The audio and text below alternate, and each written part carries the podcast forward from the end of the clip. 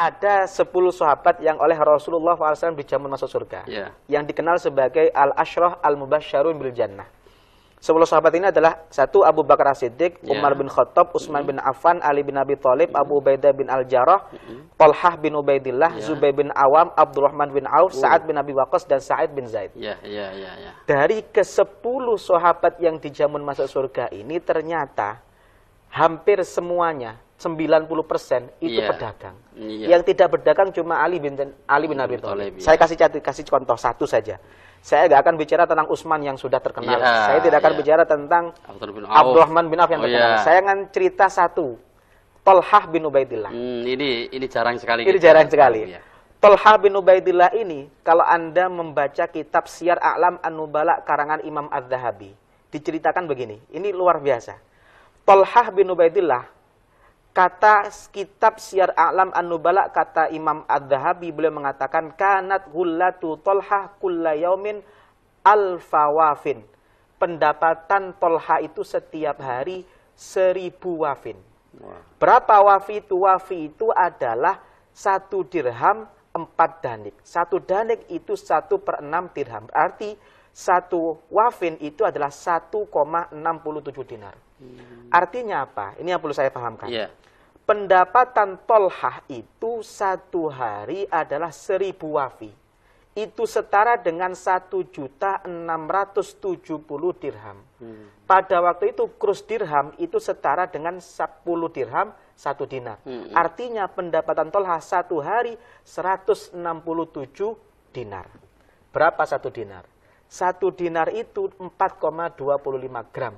Kalau satu gram emas itu Iya. harganya 500 ribu, berarti satu dinar setara 2 juta 125 juta.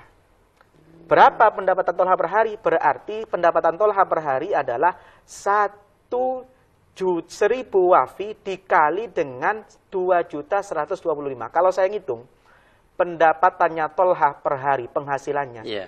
Itu 340 miliar per hari. Uh.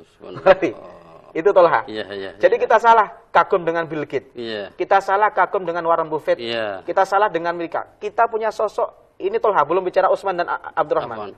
Tolha itu pendapatannya kalau saya kurskan ke rupiah, itu Iya. sekitar 340 miliar. Itu per hari. Kalau per bulan berapa? Sekitar saya ngitung 10,2 triliun per bulan.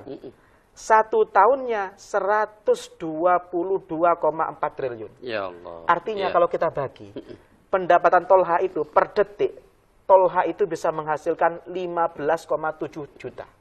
Padahal Bill Gates hanya 5,5 juta per detik. Saya kasih contoh bagaimana Tolha berkontribusi. Ini menarik menurut saya.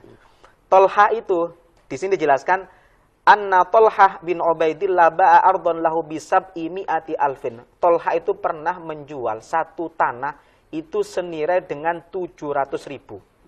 Kalau saya kurskan dengan dinar itu sekitar 70 ribu dinar. Kalau satu dinar itu harganya 2 juta 125, berarti nilai tanah yang dia jual itu 148